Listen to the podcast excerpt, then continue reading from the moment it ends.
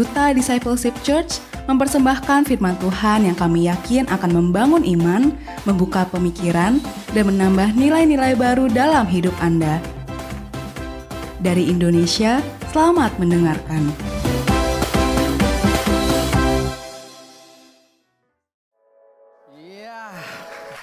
Demikianlah persekutuan staf kantor DDC Bapak Ibu tiga hari dua malam menikmati kuliner yang luar biasa. Amin. Pokoknya kita berlibur atau tidak berlibur tetap sukacita. Bilang tetap sukacita. Karena tidak tergantung berlibur kita sukacita. Ya kasihan yang nggak berlibur. Jadi berlibur atau tidak tetap sukacita. Yang penting Yesus ada dalam hidup kita. Bilang kiri kanan yang penting Yesus ada dalam diri kamu. Kalau ada Yesus pasti ada sukacita yang luar biasa. Hari ini Bapak Ibu uh, gereja sedunia, saya boleh katakan sedunia merayakan ya. Ada beberapa mungkin yang tidak merayakan hari pencurahan Roh Kudus atau hari Pentakosta. Hari apa? Pentakosta, jangan pantai. Penta karena dari Pentatus ya. Pencurahan Roh Kudus. Mari kita buka Alkitab kita atau ada di depan. Kita akan melihat kitab Joel pasal yang kedua ayat 18 dan 19. Maksud saya ayat 28 dan 29. Kitab Joel pasal yang kedua ayat 28 dan 29. Kita baca bersama-sama dengan suara yang keras. Kemudian daripada itu akan terjadi bahwa aku akan mencurahkan rohku ke atas semua manusia maka anak-anakmu laki-laki dan perempuan akan bernubuat, orang-orangmu yang tua akan mendapat mimpi, teruna-terunamu akan mendapat penglihatan-penglihatan. Juga ke atas hamba-hambamu laki-laki dan perempuan akan kucurahkan rohku pada hari-hari itu. Nabi Joel menubuatkan bahwa dikatakan nanti Kapan itu nantinya yaitu hari Pentakosta bahwa Tuhan akan mencurahkan rohnya ke atas semua manusia. Ketika Tuhan mencurahkan rohnya ke atas semua manusia, dikatakan demikian. Maka anakmu laki-laki dan perempuan akan bernubuat. Anak-anak kita akan bernubuat. Bernubuat artinya menyampaikan pesan Tuhan. Jadi orang tua-orang tua, engkau mesti sadar hari-hari ini ketika anakmu mengalami Tuhan, maka Tuhan akan pakai mereka untuk menyampaikan pesan Tuhan secara langsung kepada kita. Jadi jangan pernah berpikir, ah anak-anak nggak ngerti apa-apa. Tetapi kalau mereka punya Tuhan Yesus, punya roh kudus, mereka sangat berarti. Lalu dikatakan bahwa orang-orangmu yang tua akan mendapat mimpi. Orang-orang tua kalau engkau mengalami roh kudus dalam hidupmu, kalau Tuhan masuk di hatimu, Tuhan akan kasih buat engkau mimpi. Orang tua, orang tua Tuhan akan kasih mimpi buat engkau. Sampaikan pesan mimpimu kepada anak menantu, kalau memang itu kepada anak menantu, atau sampaikan kepada kami pemimpin-pemimpin kalau engkau dapat mimpi. Ya, kuncinya gampang kalau dapat mimpi jangan banyak tanya. Ini artinya apa sih nggak usah perlu tanya, aminkan aja dulu. Nanti Tuhan akan kasih pengertian buat kita. Lalu kitab Joel berkata bahwa bukan hanya orang tua-orang tua yang akan mendapatkan mimpi, teruna-teruna akan mendapat penglihatan-penglihatan. Teruna-teruna ini anak-anak remaja, anak-anak muda, mereka akan dapat penglihatan-penglihatan. Penglihatan artinya mereka akan dapat vision, tapi bukan dari papa mama, bukan dari diri mereka sendiri, tapi visionnya dari Tuhan. Karena banyak anak-anak meneruskan visi dari kedua orang tuanya. Papanya mau jadi dokter nggak kecapai dulu, anaknya dipaksa sekolah dokter.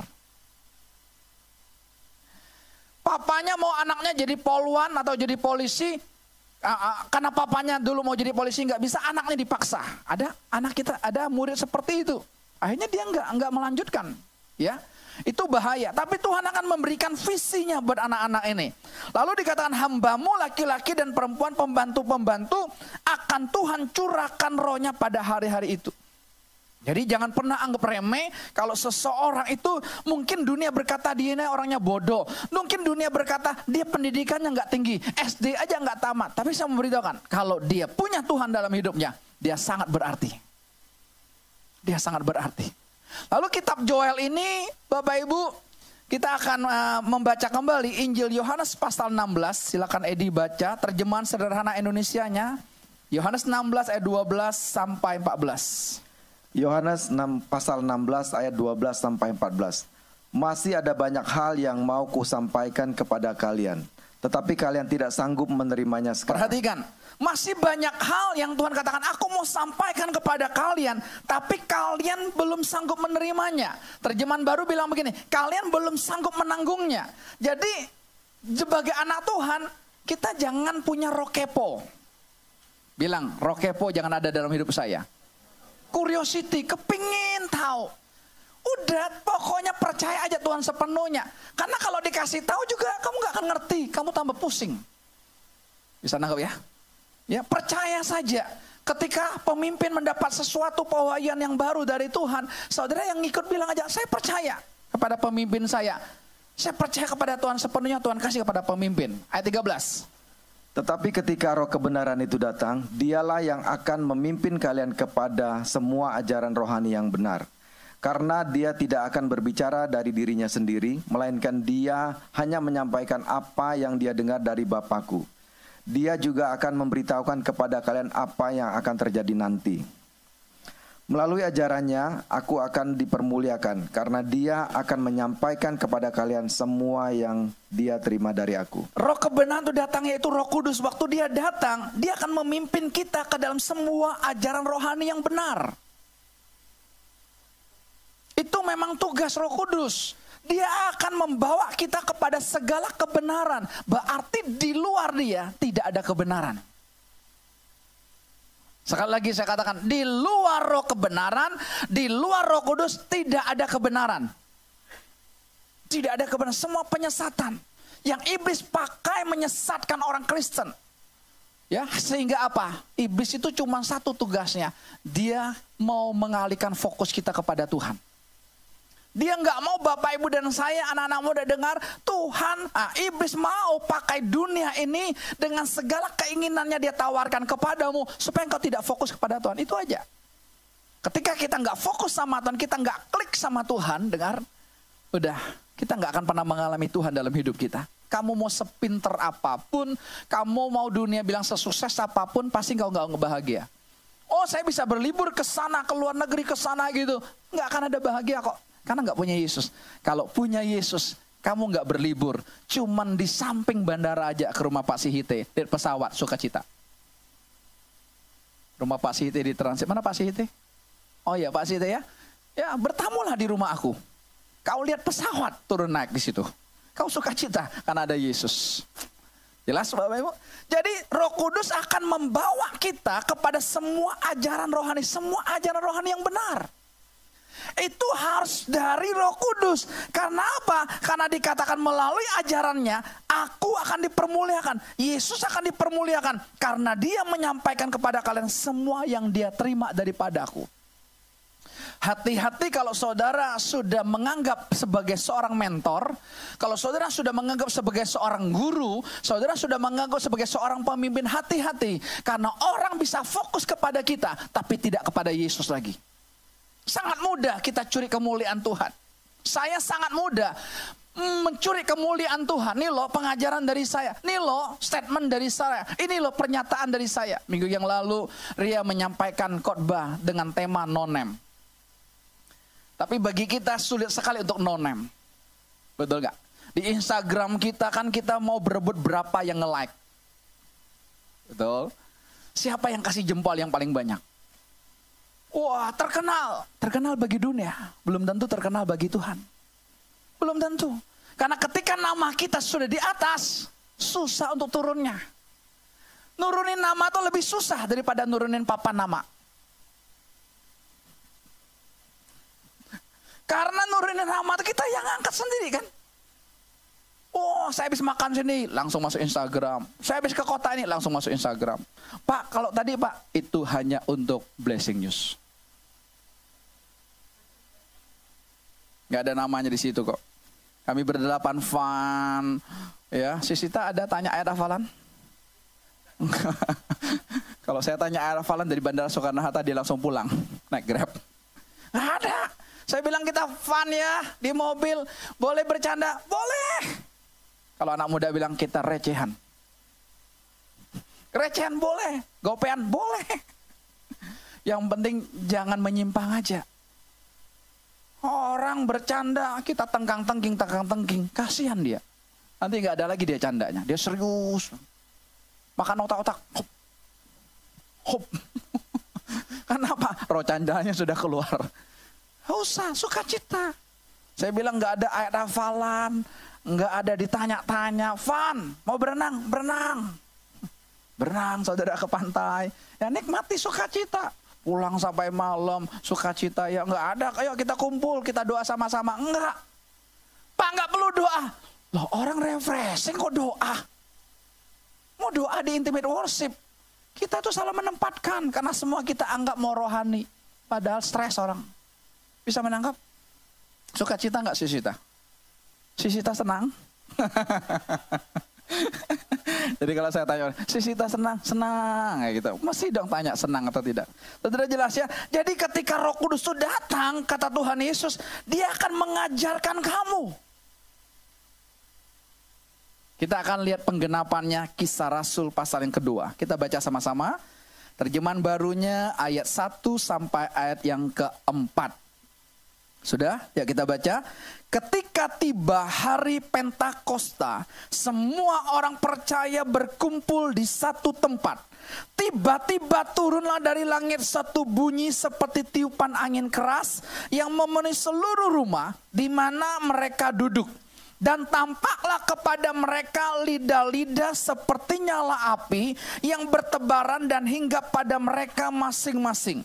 Maka penuhlah mereka dengan roh kudus, lalu mereka mulai berkata-kata dalam bahasa-bahasa lain seperti yang diberikan oleh roh itu kepada mereka untuk mengatakannya.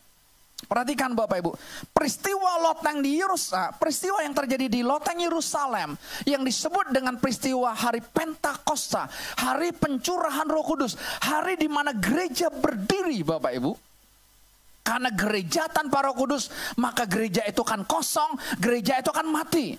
Orang percaya tanpa roh kudus, orang percaya itu akan mati hidupnya. Kita butuh roh kudus dalam hidup kita, karena dia Allah yang akan membimbing, menuntun kehidupan kita. Amin. Ini harus jelas. Jadi dikatakan bahwa dalam Korintus dikatakan ada 500 orang yang menyaksikan ketika Yesus terangkat ke surga. Tetapi ternyata hanya 120 orang saja yang meresponi apa perkataan Yesus sebelum terangkat ke surga. Kamu nantikan janji Bapak di loteng Yerusalem. 500 orang yang menyaksikan, yang menantikan cuma 120. Tidak mencapai 25 persennya. Mengapa begitu? Karena banyak orang pakai otaknya, pakai pikirannya untuk menyelami Tuhan, untuk uh, mengerti firman, dan saya mau beritahu, nggak akan bisa.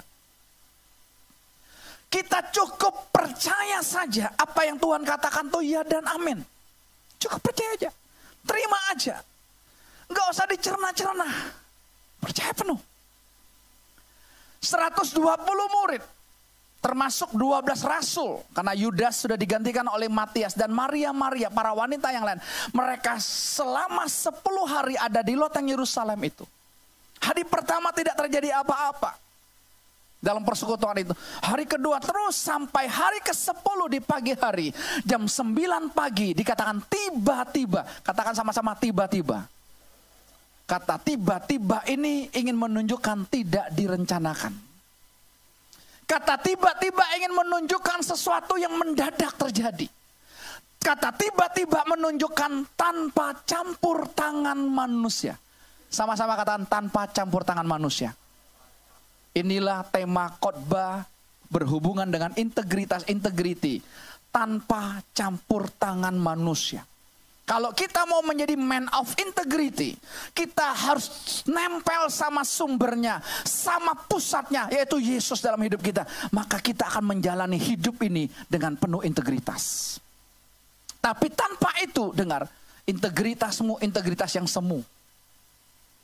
Integritasmu integritas yang main-main. Hanya di depan orang aja kita integritas, nanti di belakang ketika kita sendiri kita langgar integritas itu. Karena apa? Karena tidak muncul dari hati kita.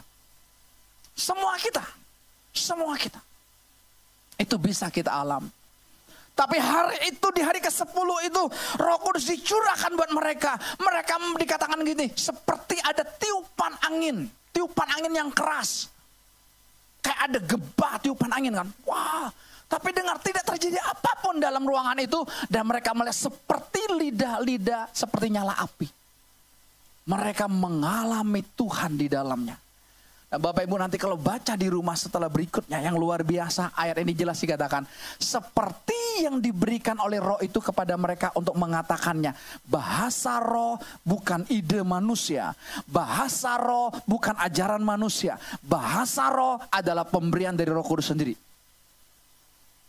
jadi kita nggak bisa menentang karena itu pemberian roh kudus Seringkali manusia pakai otaknya. Oh bahasa roh itu sesat. Oh bahasa roh itu nyasar itu. Oh bahasa roh no. Saya tahu orang-orang berkata begini karena mereka punya pengalaman yang pahit dengan orang-orang yang berkata Kristen, karismatik, orang-orang berkata Pantekosta. Wah, bahasa orangnya luar biasa, tapi tidak diimbangi dengan kehidupan sehari-hari. Ini nggak boleh. Kita harus mengeluarkan kata-kata berkat dari lidah yang sama. Tidak bisa di gereja kata-kata berkat, di rumah kata-kata kutuk. Gak boleh. Itu kekristenan yang asli yang Tuhan mau dalam kehidupan kita. Saudara, baca berikutnya apa yang terjadi. Seorang yang bernama Petrus, dia berani berkhotbah langsung hari itu. Dia sampaikan kebenaran tentang Tuhan yang luar biasa. Wah sejarah bagaimana uh, Tuhan melakukan hal yang dahsyat kepada bangsa Israel, bangsa pilihannya. Sampai dia mengalami Tuhan, dia ceritakan. Dan saudara tahu hari itu, seorang Petrus yang pengecut, seorang Petrus yang penakut, karena roh kudus hadir dalam hidupnya, dia menjadi seorang yang berani. Engkau dan aku seorang pengecut, seorang penakut. Kalau ada Tuhan dalam hidupmu, engkau berani bukan karena engkau, tapi ada Tuhan dalam hidup kita. Amin. Ayat ini jelas mengatakan tanpa campur tangan manusia. Dari lima peristiwa baptisan roh kudus di kisah para rasul. Ini tanpa campur tangan manusia. Kisah Rasul 8 ketika Petrus sedang berkhotbah di keluarga Cornelius tanpa campur tangan manusia. Cuman khotbah toh. Mereka mengalami baptisan roh kudus. Yang tiganya penumpangan tangan. Tapi kita melihat yang pertama kali terjadi tanpa campur tangan manusia. Mereka sedang bersekutu. Mereka sedang menyembah. Tapi tiba-tiba sampai orang yang di luar mendengarnya bilang ini orang lagi mabuk. Tapi Petrus bilang ketika dia berdiri dia bilang no, mereka tidak mabuk. Memang mereka mabuk tapi mabuk Tuhan. Saudara jangan mabuk dunia. Mabuklah akan Tuhan. Bilang kiri kanan jangan mabuk dunia. Anak-anak muda jangan mabuk dunia. Tapi kan nikmat ke diskotik. Tapi kan nikmat pergi begini dunia dunia malam. Kan nikmat pak. Nikmatnya sesaat. Menderitanya kekal. Kita harus mabuk dengan Tuhan. Cinta Tuhan. Jadi orang yang betul-betul mengasihi Tuhan. Nggak ada yang bisa nandingi apa pun. Siapa pun nggak bisa. Apa pun nggak bisa. Hanya Tuhan. Coba kalau saudara berlibur, saya mau tanya, saudara mengagumi ciptaannya apa penciptanya? Rata-rata, ciptaannya? Wow, wow, wow. Saudara pernah bilang gini enggak? Tuhan, ciptaanmu dahsyat ya. Ciptaannya dahsyat apalagi penciptanya. Kita harus mengagumi penciptanya. Betul? Fitrian coba tahan batu itu. Saya bilang nggak bisa Fit. Sampai bongkok juga nggak bisa. Itu karya Tuhan tanpa campur tangan manusia. Nggak ada manusia yang taruh batu itu di pinggir di pinggir pantai itu nggak ada. Batu dinding tadi. Saking besarnya. Yang yang Fitria yang mau itu deh, kalau kita lihat itu kayak ikan pari modelnya. Itu semuanya bukan campur tangan manusia dipahatin supaya kelihatannya indah. Tidak. Tuhan yang melakukan itu. Enak nggak kalau kita ikut Tuhan? Enak kan? Lalu berikutnya di dalam kisah Rasul 2 ayat 16 sampai 18. Silakan baca terjemahan bahasa Indonesia masa kini. Kisah para rasul pasal 2 ayat 18 sampai 16 sampai 18. Tetapi ini sudah diberitahukan oleh Allah melalui Nabi Yoel. Allah berkata, "Pada akhir zaman aku akan mencurahkan rohku ke atas semua orang. Anak-anakmu yang laki-laki dan anak-anakmu yang perempuan akan memberitahukan kepadamu hal-hal yang aku beritahukan kepada Perhatikan mereka. kata hal-hal yang aku beritahukan. Bukan siapa-siapa yang kasih tahu mereka untuk menyampaikan pesan Tuhan itu, tapi Tuhan yang taruh perkataannya ke mulut anak-anak kita untuk menyampaikannya. Tergantung engkau yang mendengarkannya responmu gimana. Wah, anak kecil tahu apa? Eh, tunggu dulu. Kalau anak kecil diurapi Roh Kudus, itu dahsyat perkataannya. Kecuali dia nggak diurapi Tuhan. Wah, anak kecil ngomong sembarangan. Tapi kalau anak kecil dia diurapi oleh Tuhan, anak jail kids kita diurapi oleh Tuhan. Waktu dia ngomong, dengar, Tuhan pakai loh mulut dia untuk ngomong. Berikutnya. Orang-orang mudamu akan melihat hal-hal yang aku perlihatkan kepada mereka. Orang-orang tuamu akan bermimpi tentang mimpi yang aku berikan kepada mereka. Aku lagi, terus. Kepada hamba-hambaku pun, baik laki-laki maupun perempuan, akan kucurahkan rohku. Pada hari-hari itu, mereka akan memberitahukan hal-hal yang aku beritahukan kepada mereka. Perhatikan, jadi jelas sekali bahwa ketika roh kudus itu dicurahkan, ketika Tuhan Yesus masuk, masuk ke hati kita, Bapak Ibu dengar, masuk ke hati kita dalam Wahyu 3 ayat 20, izinkan dia masuk ke hatimu untuk mendapatkan kita dan kita makan sama-sama dengan dia. Saudara bangga nggak makan makan bersama dengan Tuhan Yesus? Bangga nggak? Ada di sini yang sudah pernah makan sama Bapak Presiden kita? Angkat tangan. Diundang nih bulan depan Uh, saudara pasti satu bulan saudara persiapan. Diundang Pak Jokowi. Betul nggak? Pak Jokowi open house saja sampai wah rakyat senangnya sukacita salam loh sama Pak Jokowi. Senang kan? Tapi harusnya kita lebih bangga kalau Yesus ajak kita makan. Dahsyat nggak kalau Yesus pencipta alam semesta, dia Tuhan, dia juru selamat manusia ini ngajak kita makan. Gampang ajak Yesus makan. Buka hatimu, izinkan dia masuk ke dalam hatimu, mendapatkan kita dan makan bersama-sama dengan kita. Kita makan bersama-sama dengan dia. Makan berbicara persekutuan, makan berbicara keintiman, makan berbicara kedekatan. Jadi jelas sekali bahwa Tuhan katakan orang-orang yang menerima roh kudus akan dilawat Tuhan dengan luar biasa. Saudara perhatikan, murid-murid Tuhan ini Bapak Ibu tidak punya pendidikan yang tinggi. Hampir semua rasul itu tidak punya pendidikan yang tinggi. Kita akan lihat kisah rasul pasal yang keempat. Ayat 12-13 kita baca sama-sama ayat ini. Sudah, kisah Rasul 4 ayat 12-13 kita baca dengan keras. Dan keselamatan tidak ada di dalam siapa pun juga selain di dalam dia. Sebab di bawah kolong langit ini tidak ada nama lain yang diberikan kepada manusia yang olehnya kita dapat diselamatkan.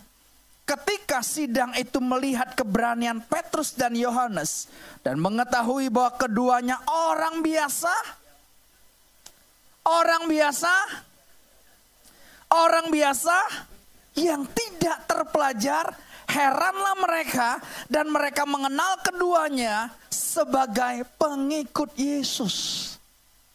Perhatikan. Tokoh-tokoh Yahudi ketika mendengar Petrus sedang berkhotbah ini Bapak Ibu. Mereka heran, mereka kaget. Kenapa mereka kenal Petrus dan Yohanes kan tidak terpelajar. Dalam terjemahan aslinya, bahasa Yunaninya ditulis dengan kata idiotai. Saudara kata idiot, idiotai menemukan kata apa? Idiot. Saudara bangga dengan orang yang idiot? Ayo, ada orang tua yang bangga nggak punya anaknya yang idiot? Rata-rata orang tua yang nggak punya Yesus nggak bangga. Tapi saya ketemu dengan seorang bapak sudah ditinggalkan oleh istrinya. Dia punya anak sulung. Dia punya sepasang anak. Anak sulungnya laki-laki udah usia 35 tahun. Idiot. Dia cerita, Pak, sejak lahir anak ini bermasalah sarafnya. Sampai sarafnya itu mati semua. Dia kerja di satu perusahaan yang sangat besar dan dia menjadi orang kepercayaan perusahaan itu.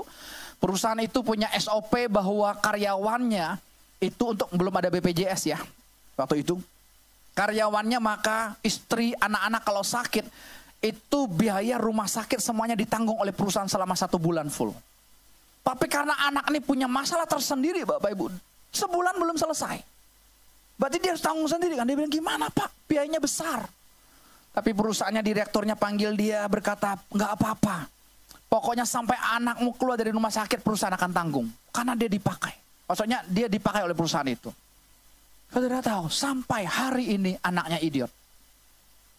Beberapa tahun yang lalu dia nggak terima sebenarnya dengan anak kondisi ini, apalagi udah ditinggal oleh istrinya. Karena anak ini harus dimandiin. Dia kalau mau pergi jam 6 sore, makan mulai dari jam 4 dia sudah harus prepare, persiapan buat anak ini.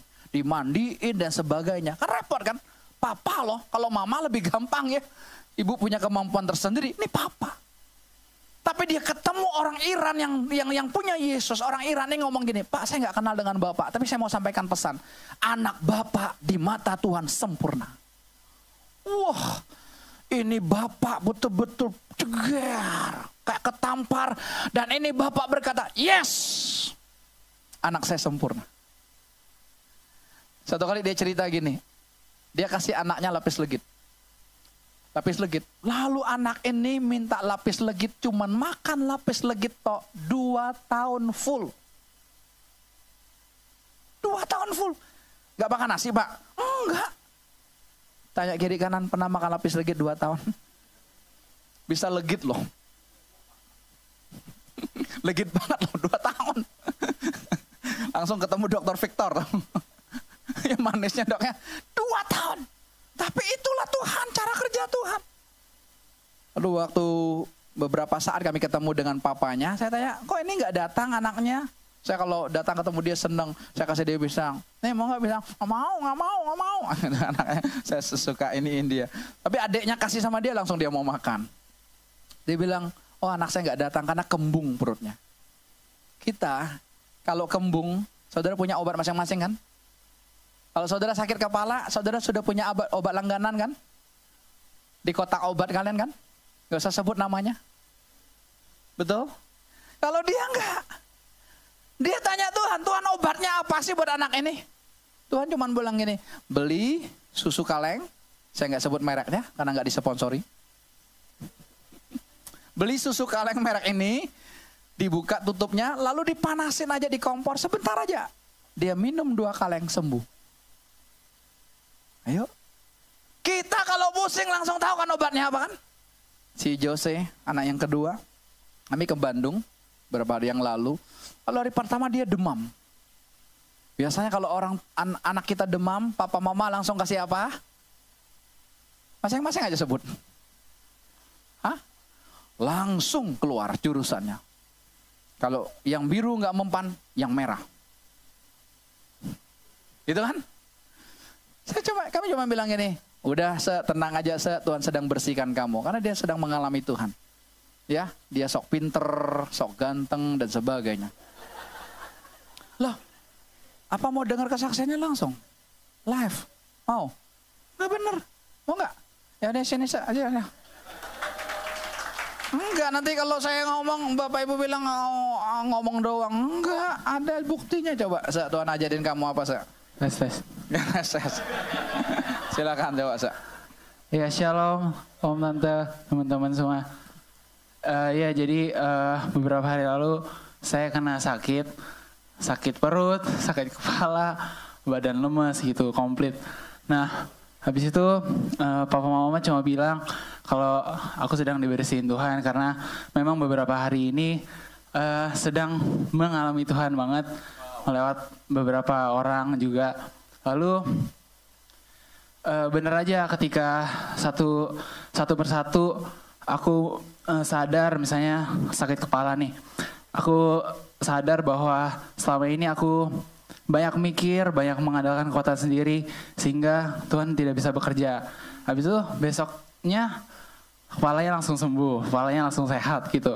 Terus uh, sakit perut juga uh, sakit perut mama bukain kalau pencernaan aku itu maksudnya Tuhan lagi bersihin ya, Ya jadi pengetahuan-pengetahuan dunia ini lagi dibersih, dibersihin sama Tuhan. Jadi biar aku nggak itu lagi. Lalu besoknya aku sembuh. Lalu yang terakhir adalah uh, tubuh tubuh aku yang lemas. Nah, aku sadar juga kalau uh, olahraga dan sebagainya yang aku kejar di dunia ini adalah sia-sia dan bener aja besoknya aku langsung sembuh, langsung bugar lagi gitu. Sudah? Udah, Ada yang tambahkan lagi?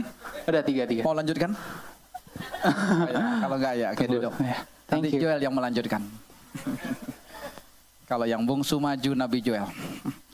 Saudara, waktu dia menyaksikan apa yang Tuhan sedang bersihkan buat dia, saya bilang, wow Tuhan. Ketika anak-anak kita dengar orang tua, tidak cukup engkau saja mengalami Tuhan. Anak-anak harus mengalami Tuhan secara pribadi. Tanpa campur tangan manusia.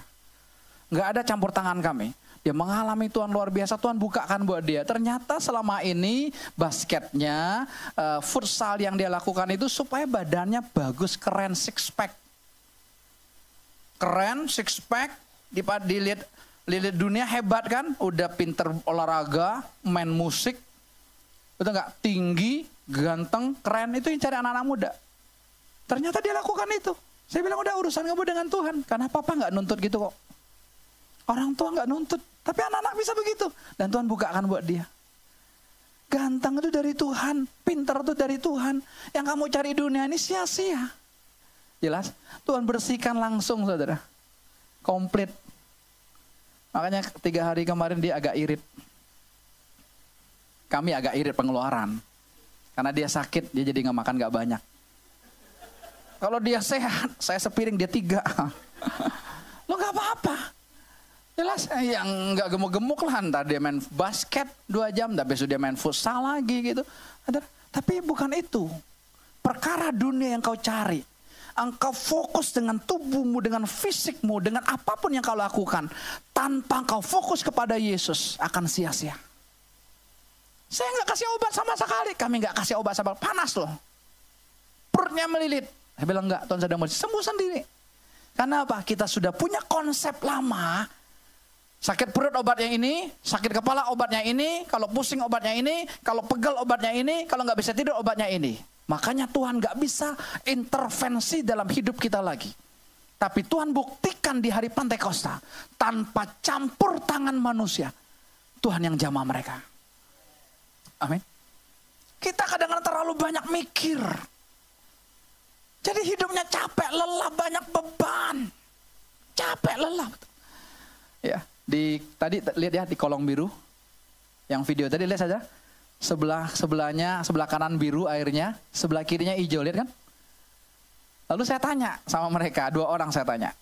Menurut kamu, kenapa cuman kiri kanan satu biru, satu hijau? Yang satu waktu saya dia mikir.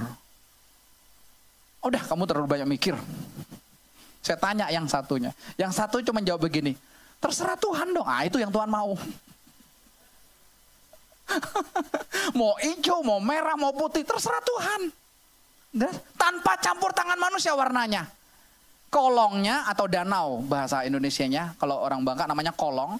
Danau buatan itu betul itu hasil kerukan timah. Dibuat oleh manusia. Tapi yang bikin warnanya bukan manusia. Tuhan. Coba kasih pewarna-warna biru. Danau sebegitu banyak, berapa banyak? Mau pesen abeng? Di epoksi? Gak bisa. Jelas. Satu hijau, satu biru. Luar biasa kan? Itu Tuhan kita. Cuman kita hanya kagum dengan ciptaannya. Kita nggak kagum dengan penciptanya. Itu melesetnya kita. Ke mana pun engkau harus kagum sama penciptanya. Saya bilang ini, ini mah kalau bukan Tuhan nggak mungkin. Lalu tadi pagi saya tanya sama DC Fire. Ya, DC itu adalah Discipleship Community. Saya kirim gambarnya tadi pagi setelah doa pelayan. Lalu saya bilang setengah delapan batasnya jawaban sudah harus masuk. Saya baca ya jawabannya. Unik nih soalnya. Oke. Saya tanya mereka, sukacita pagi hari, mengapa danau yang satu biru, danau yang sebelahnya hijau? Jawaban ditunggu sebelum pukul 7.30 ini. Yang sudah tahu nggak usah jawab. Ada jawabannya gini. Karena kalau satu warna kurang oke, Tuhan mau dua warna. Emotikonnya hihihihihihi. Saya nggak sebut namanya. Yang kedua, jawabannya, Tuhan suka membuat variasi untuk anak-anaknya. Yang ketiga, kalau satu warna jiat. Jiat tuh bahasa Bangkanya jelek. Pada di orang Bandung. Kalau dua warna itu cion. Cion itu cantik. Eh, orang Bandung bisa bahasa Bangka. Jawabannya ini, insinyur. Nih insinyur nih, bagus ya. Insinyur yang sudah ketemu Yesus jawabannya beda.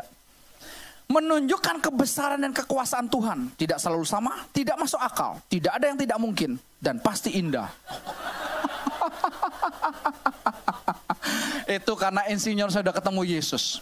Kalau dia belum ketemu Yesus, dia akan datang ke sana, dia akan ambil tanahnya, dia akan cek di laboratorium kultur tanahnya apa. Satu tahun nggak ketemu jawabannya. Manusia kan begitu, sok pinter, betul nggak? Padahal gampang deh gitu, itu mah terserah Tuhan. Bisa nangkep? Ngapain pusing-pusing mikirinnya sampai nggak mau makan? Kenapa kok hijau biru? Nggak bisa tidur mikirin, botak. Betul nggak? Dia bilang udah, ciao, kita jalan, kita cari mian. cari yamen. Ngapain mikirin, nikmati aja. Bisa nangkep. Cuman kita begitu. Saya pikir-pikir juga ya, aduh kalau saya tahu dari dulu begini, gua kagak kuliah tuh.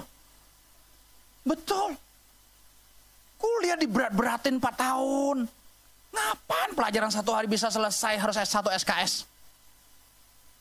Anak muda bilang, yes, Betul gak? Jadi dokter susah banget nggak dok? Padahal gampang kan? Cuma sakit kepala kasih obat ini nggak sembuh ganti obat. Enggak yang sekolah dokter juga bisa padahal.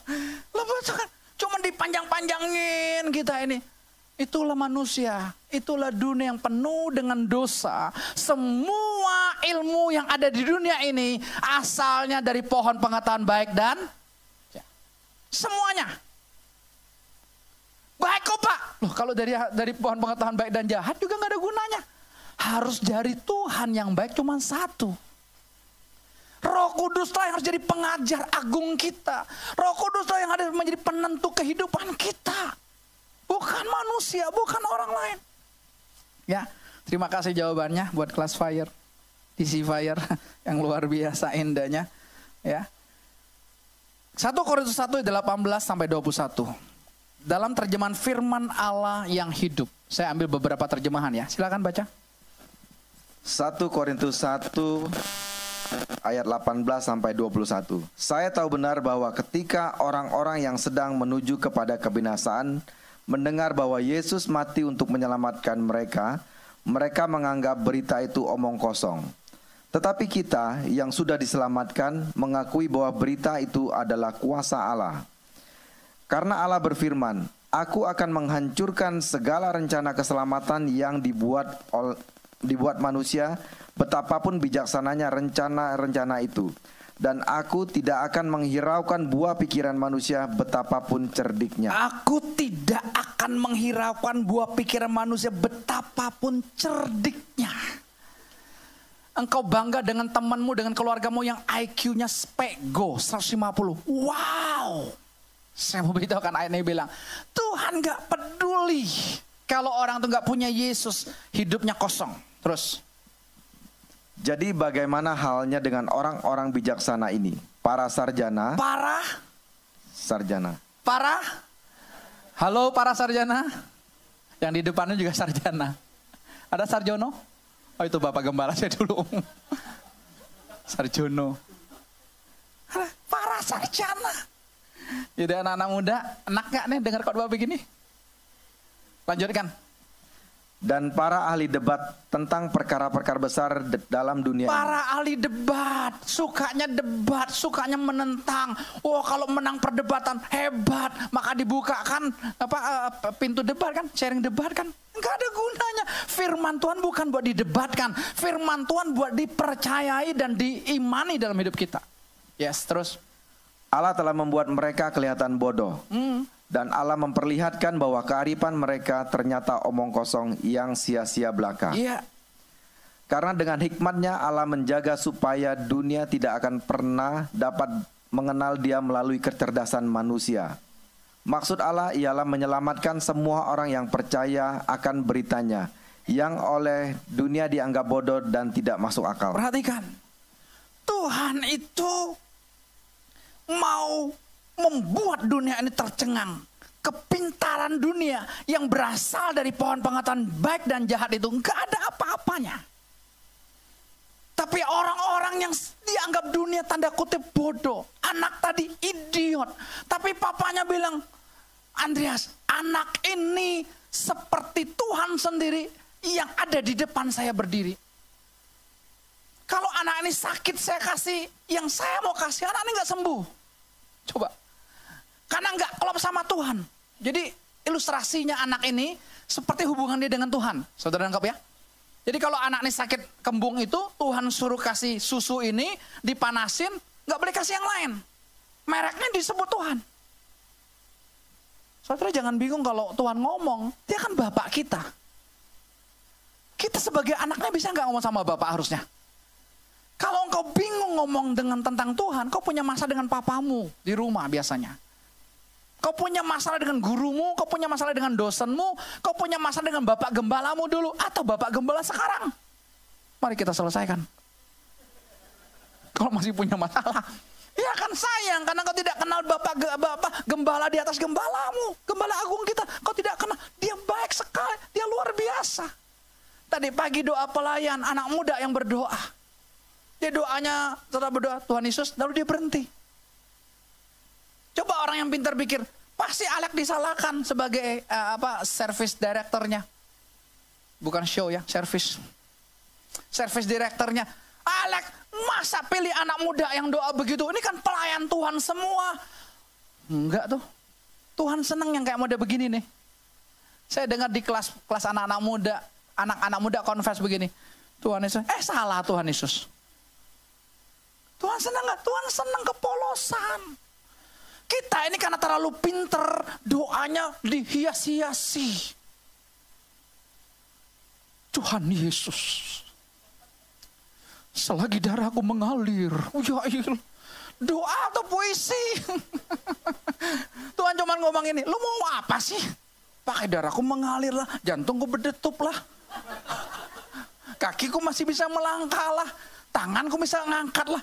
Lah, malaikat bilang, tuh Ngomong aja lo mau apa. Bisa nangkep nggak? Sama Tuhan tuh santai. Coba konsep loma kita. Coba lagi lagi ke toilet.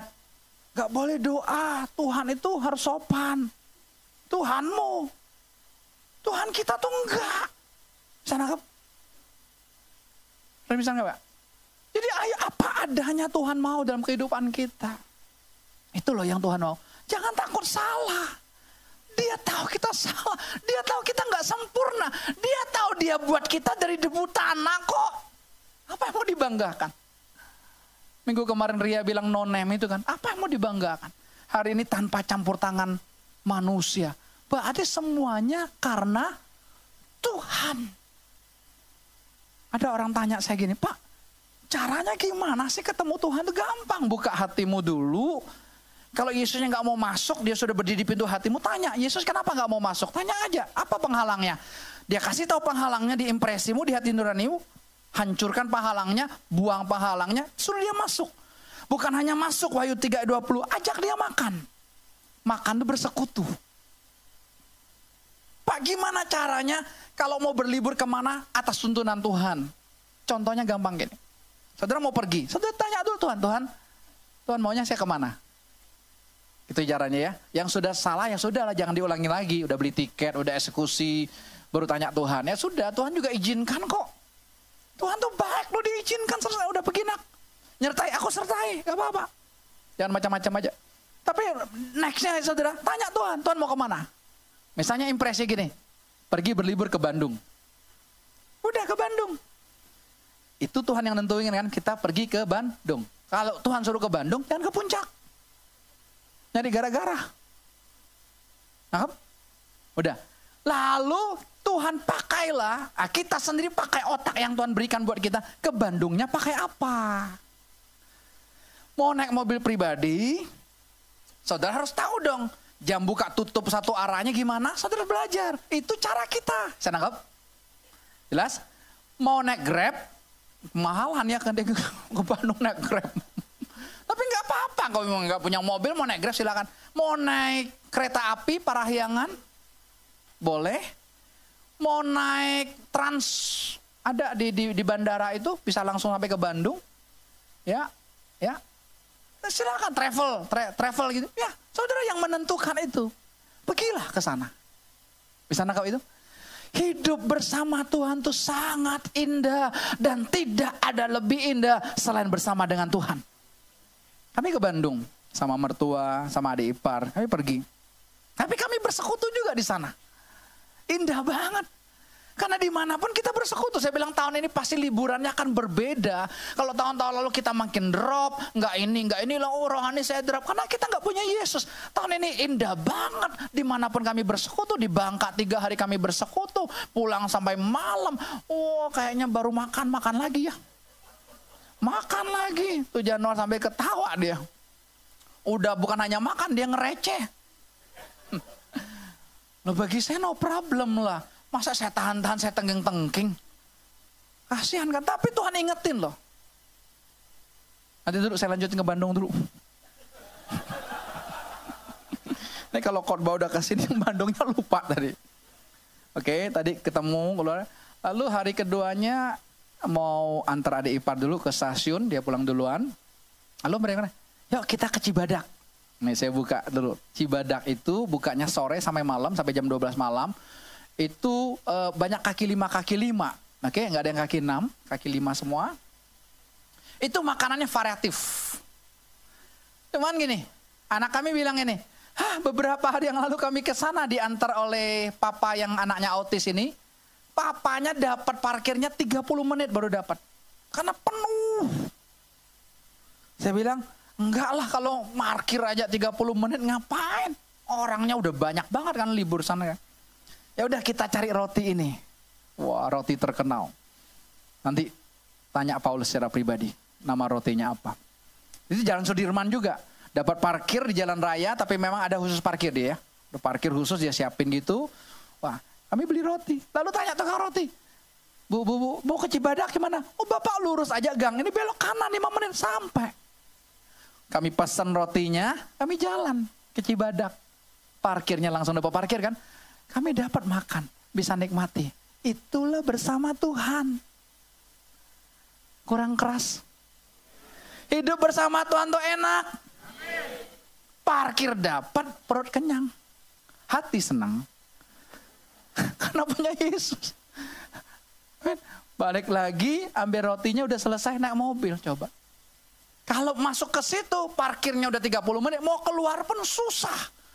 Ramai sekali. Kita ini kadang-kadang terlalu banyak mikir, sok pinter, pengalaman-pengalaman yang kita pakai. Akhirnya coba saya nyambung lagi ke Fitria. Ah, ketemu ini. Ketemu linknya. Lalu lagi makan otak-otak. Recehan keluar. Recehannya keluar. Lalu dia ngomong begini, itu di shoot ya. Ada syutingnya. Syutingnya gini. Kalau mau pintar, makanlah otak-otak. Udah kan? Udah di mobil kami lanjutin lagi, habis makan tata lanjutin mau ke matras, dia tidur di mobil tidur sebentar. Lima menit dong dia bangun, langsung dia tepukin Januar. Kok, kok, kok, kok, yang tadi dihapusin ya, karena kalau mau pinter bukan makan otak-otak, yang kalau mau pinter harus punya Yesus. Tepuk tangannya buat Tuhan Yesus. Lo mau makan otak-otak segerobak juga, kagak pinter kalau nggak punya Yesus. Gitu loh. Jelas? Punya Yesus nggak makan otak-otak, makan pempek aja pinter. Apalagi makan saucu. Jelas? Langsung Fitria itu. Saya nggak negur, enggak. Dia ngomongin silakan. Tuhan ngomong sendiri sama kamu kok. Bisa nangkep. Jadi kalau recehannya menyimpang, Tuhan yang ngomong langsung. Enak nggak? Jadi saya nggak jadi nggak jadi kamu nggak boleh gini, kamu nggak boleh gitu. No, bukan saya pengajarnya, bukan saya masternya. My master is Jesus Christ. Itu master kita, Holy Spirit itu master kita. Dia yang ngajar kita, tanpa seorang pun yang mengajar kita, dia ngajarin kita nanti. Amin. Indah kan?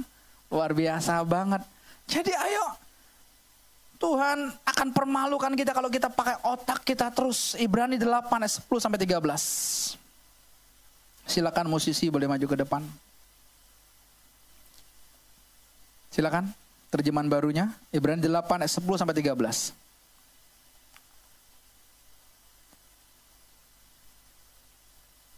Mana ID-nya? Kamu jangan duduk dulu, Ed. Aduh, Ed. Tugasmu belum selesai, Ed. Saya baru suruh musisi maju, Ed. Kamu kan bukan musisi, Ed. Silakan, Ed. Ibrani pasal 8 ayat 10 dan 11. Maka inilah perjanjian yang kuadakan dengan kaum Israel sesudah waktu itu. Demikianlah firman Tuhan. Aku akan menaruh hukumku dalam akal budi mereka dan menuliskannya dalam hati mereka. Perhatikan, aku akan menaruh apa? Hukumku, hukumku itu firman dalam akal budi mereka dan menuliskannya dalam hati mereka. Bukan tulisan tintamu, bukan di gadgetmu, tapi Roh Kudus yang akan menuliskannya. Terus. Maka aku akan menjadi Allah mereka dan mereka akan menjadi umatku dan mereka tidak akan mengajar lagi sesama warganya. Tidak akan mengajar lagi sesama warganya. Terus? Atau sesama saudaranya dengan mengatakan, kenalah Tuhan, sebab mereka semua besar kecil akan mengenal aku. Sebab aku akan menaruh belas kasihan terhadap kesalahan mereka dan tidak lagi mengingat dosa-dosa mereka. Tuhan tidak ingat dosa-dosa kita. Hanya pasangan kita yang sering mengingat dosa-dosa kita kalau konflik masa lalu diangkat-angkat. Itu manusia. Tapi Tuhan tidak. Tinggal kita sadar aja Tuhan saya salah ini Tuhan. Sudah selesai. Tuhan tuh begitu. Kita ngingetin dosa kita sendiri. Tuhan aja ngampuni kita. Kok engkau tidak mengampuni dirimu sendiri? Itu kan ditipu iblis.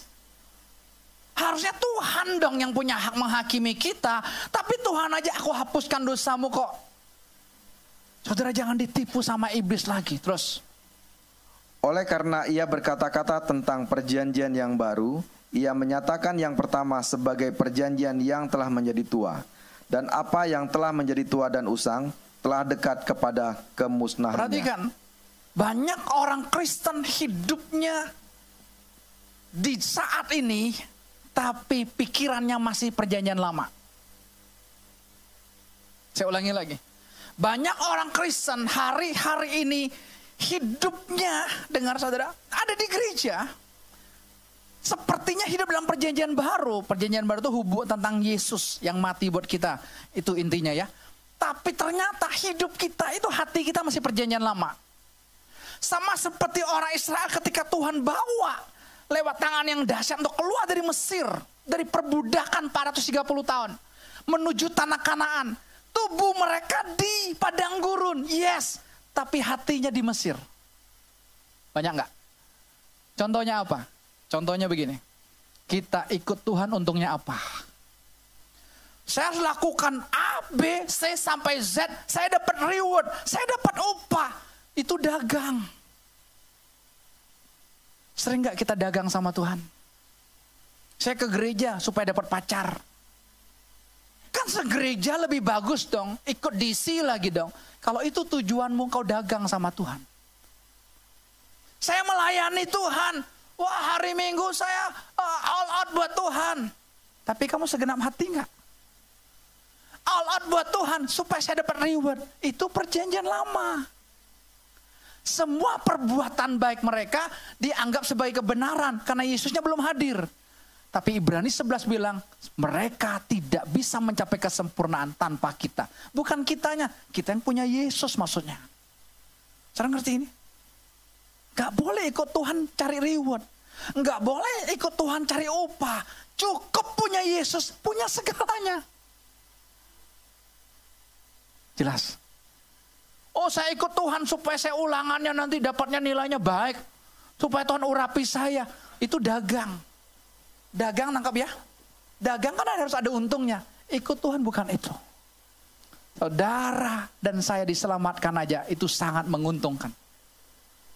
Itu cukup. Yang lainnya Tuhan akan kasih karunia. Demi kasih karunia untuk kita nikmati di dalam Tuhan. Hiduplah dalam perjanjian baru. yang Tuhan mau. Hidup dalam kasih karunia Tuhan.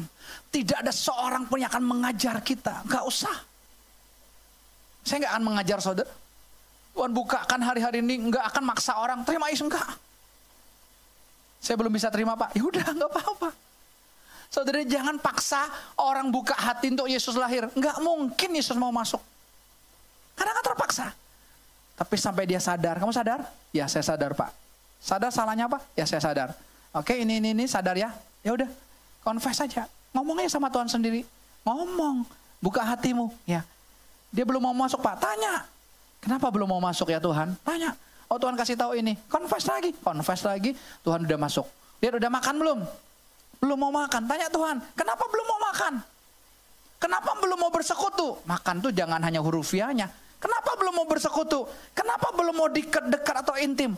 Oh masih ada ruang-ruang hati yang lainnya yang saya belum serahkan kepada Tuhan. Serahkan aja. Hati kita itu penuh ruangan.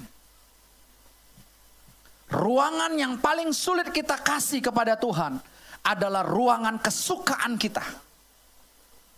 Apa kesukaanmu yang sulit sekali kau serahkan kepada Tuhan? Itu biasanya yang paling terakhir yang kamu serahkan kepada Tuhan. Kalau enggak, Tuhan enggak bisa intervensi. Siapa anak? Keluarga? Kau nomor satu kan keluarga? Hobimu? Oh enggak bisa, saya kalau enggak ini. Istri saya harus ngerti ini. Kok enggak bisa? Bukan soal istri segenap hati. Tuhan, tidak ada ruang hati saya yang saya mau pertahankan. Satu pun gak ada. Semua ruang hati saya, saya mau serahkan kepada Tuhan. Waktu kau serahkan itu kepada Tuhan, dia kuasa hidup kita. Dia jadi penguasa tunggal hidup kita. Saudara, setiap hari dia akan intervensi atas hidup kita. Setiap hari. Kami dari Lembang pergi ke kota Bandung kalau lewat jalur setia budi nggak sampai-sampai karena macet sekali. Tapi Tuhan bisa bawa kami ya lewat apa? Lewat Cimahi muternya. Cepat sekali. Kami pulang pun kemarin lewat Cimahi masuk uh, uh, tol bar apa? Baros ya. Cepat sekali untuk masuk tol. Tapi kalau nggak ngerti ikutin jalur setia budi turun dari Lembang biasa gitu. Uh, nggak sampai-sampai, sangat lama sekali. Itu hikmat yang Tuhan berikan buat kita Tuhan akan tunjukkan buat kita, buat anak-anaknya. Dia akan kasih yang terbaik, yang dunia tidak pernah berikan buat kita. Yang keluargamu tidak pernah berikan dalam hidupmu. Siapa pun tidak pernah berikan dalam hidupmu. Yesus akan berikan itu untuk kita nikmati. Supaya orang lihat kebesaran Tuhan lewat hidup kita. Orang permuliakan Tuhan ketika engkau pintar. Bukan pintarnya, tapi Tuhan lihat orang lihat Yesus dalam dirimu. Engkau cantik bukan cantiknya, tapi orang lihat Yesus ada dalam wajahmu. Wajah yang penuh dengan kemuliaan Tuhan. Bukan kayanya, bukan. Bukan keberhasilan dunia. Tapi keberhasilan surga. Buka hatimu hari ini. Dia mau masuk. Dan dia akan mau mengajar engkau secara langsung. Bukan manusia yang mengajar engkau. Tanpa campur tangan manusia. Mari kita bagi di depan Tuhan.